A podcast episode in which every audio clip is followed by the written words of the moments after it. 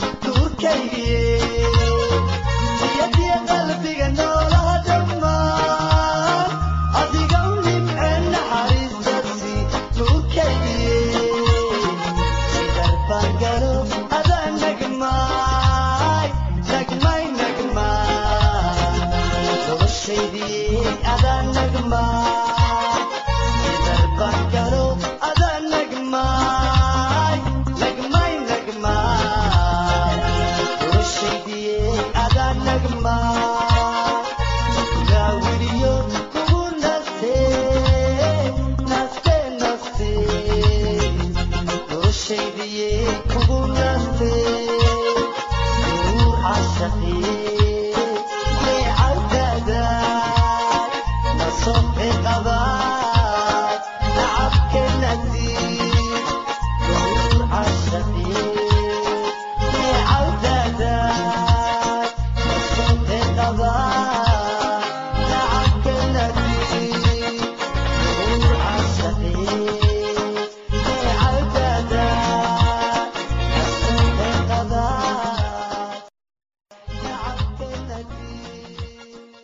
haasaawo tegidda waxay abuurtaa dhibaatada ugu weyn ee haysata dhallinyarada maanta.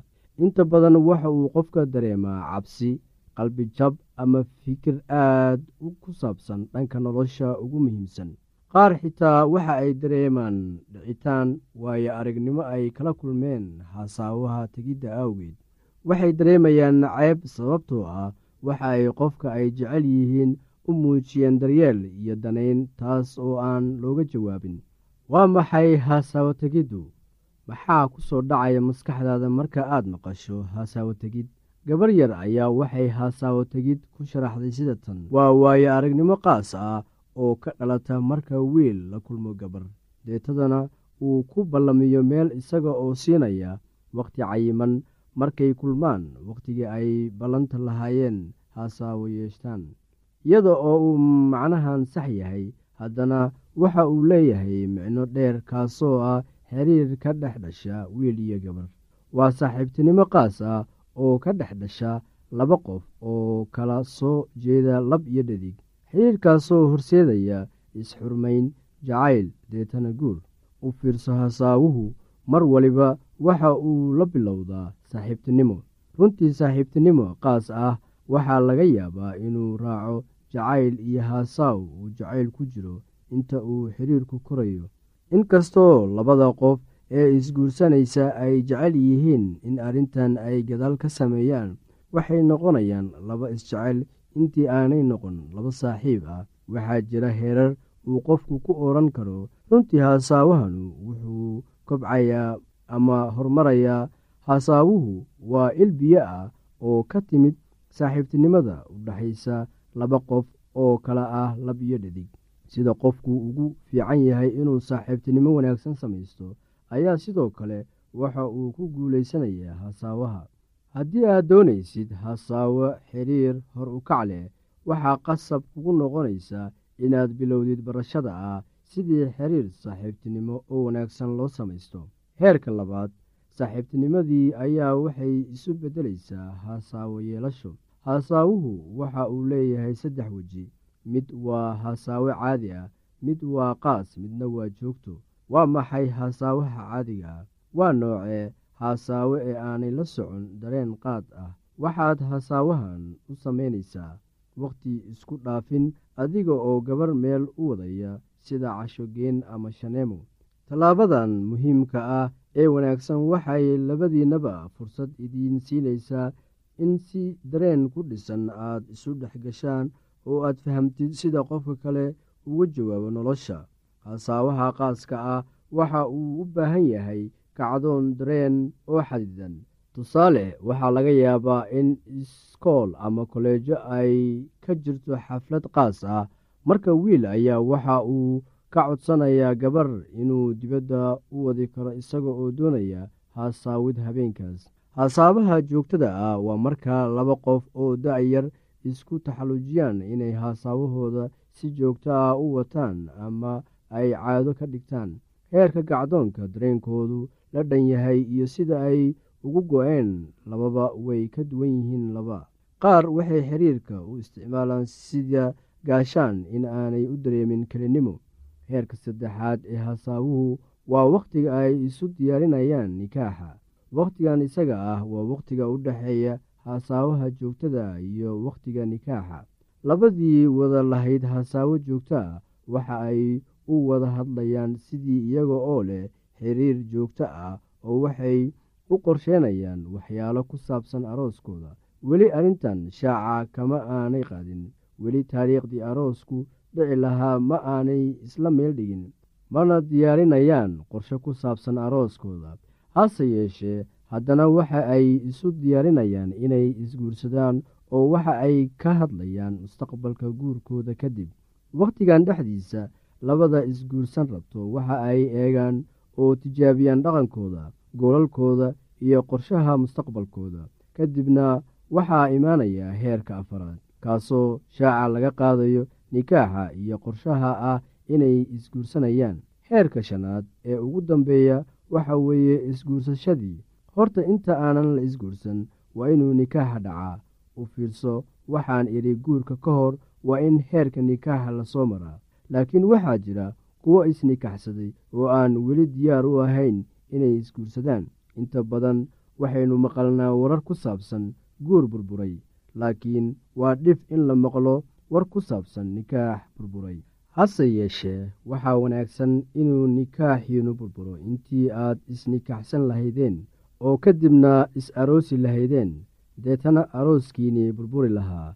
Wakhtiga nikaaxa waxa uu u oggolaanayaa labada isguursanaysa inay ka wada xaajoodaan mustaqbalka oo ay qorsheeyaan wixii ay samayn lahaayeen sanadka ugu horreeya ee guurkooda.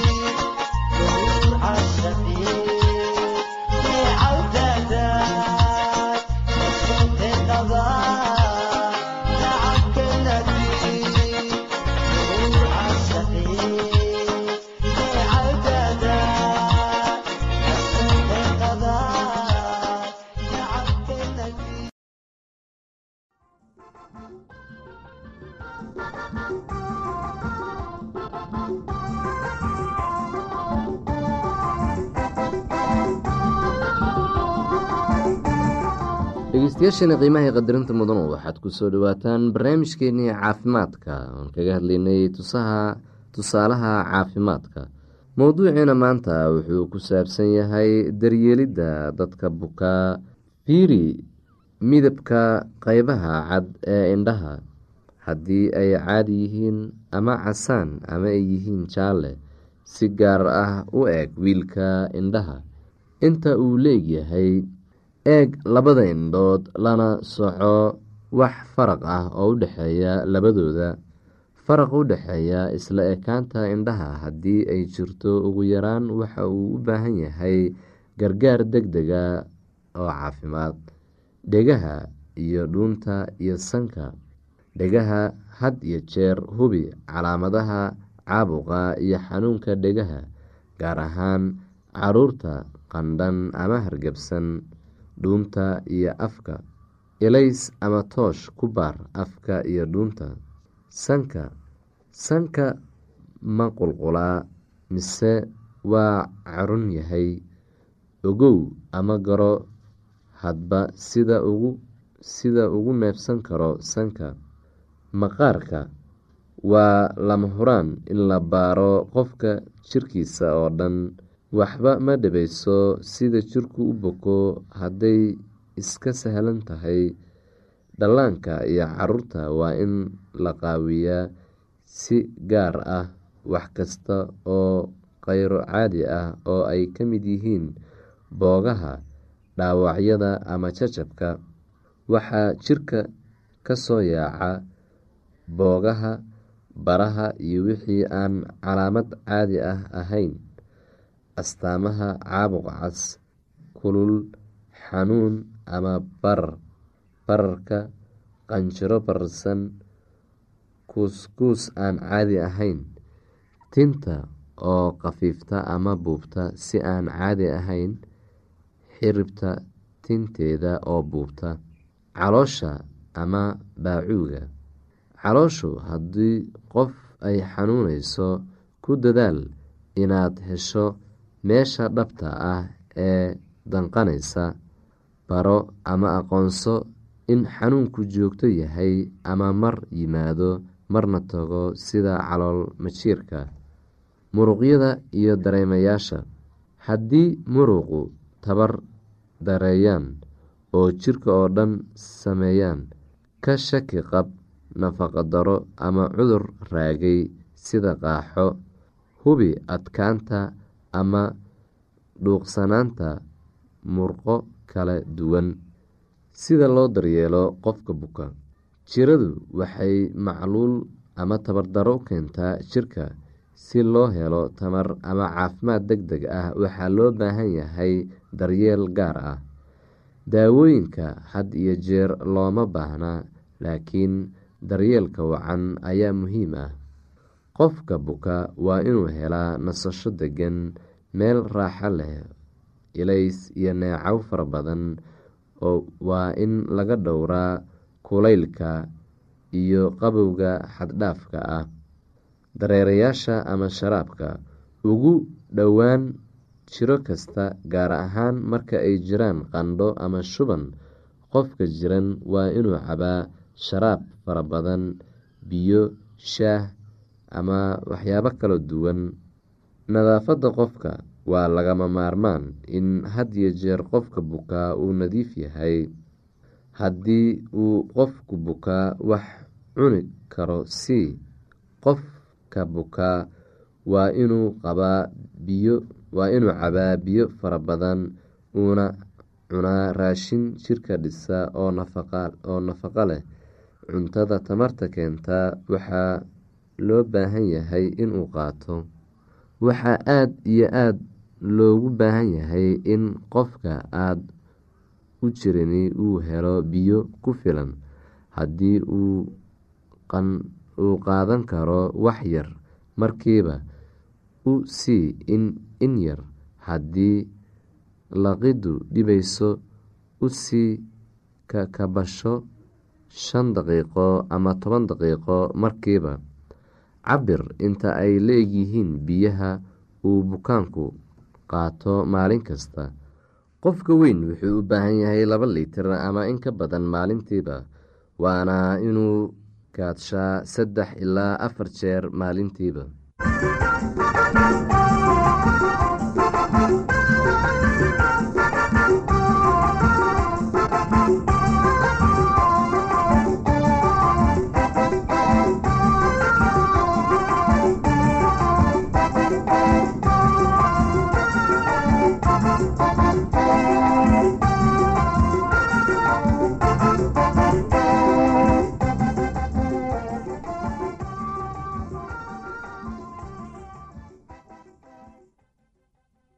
haddii aad qabto wax su'aalaha fadlan inala soo xiriir. Ciwaankeenna waa radio somaly at yahu t com. Mar labaad ciwaankeenna waa radio somaly at yahu dt com. Barnaamijyadeena maanta waa naga intaas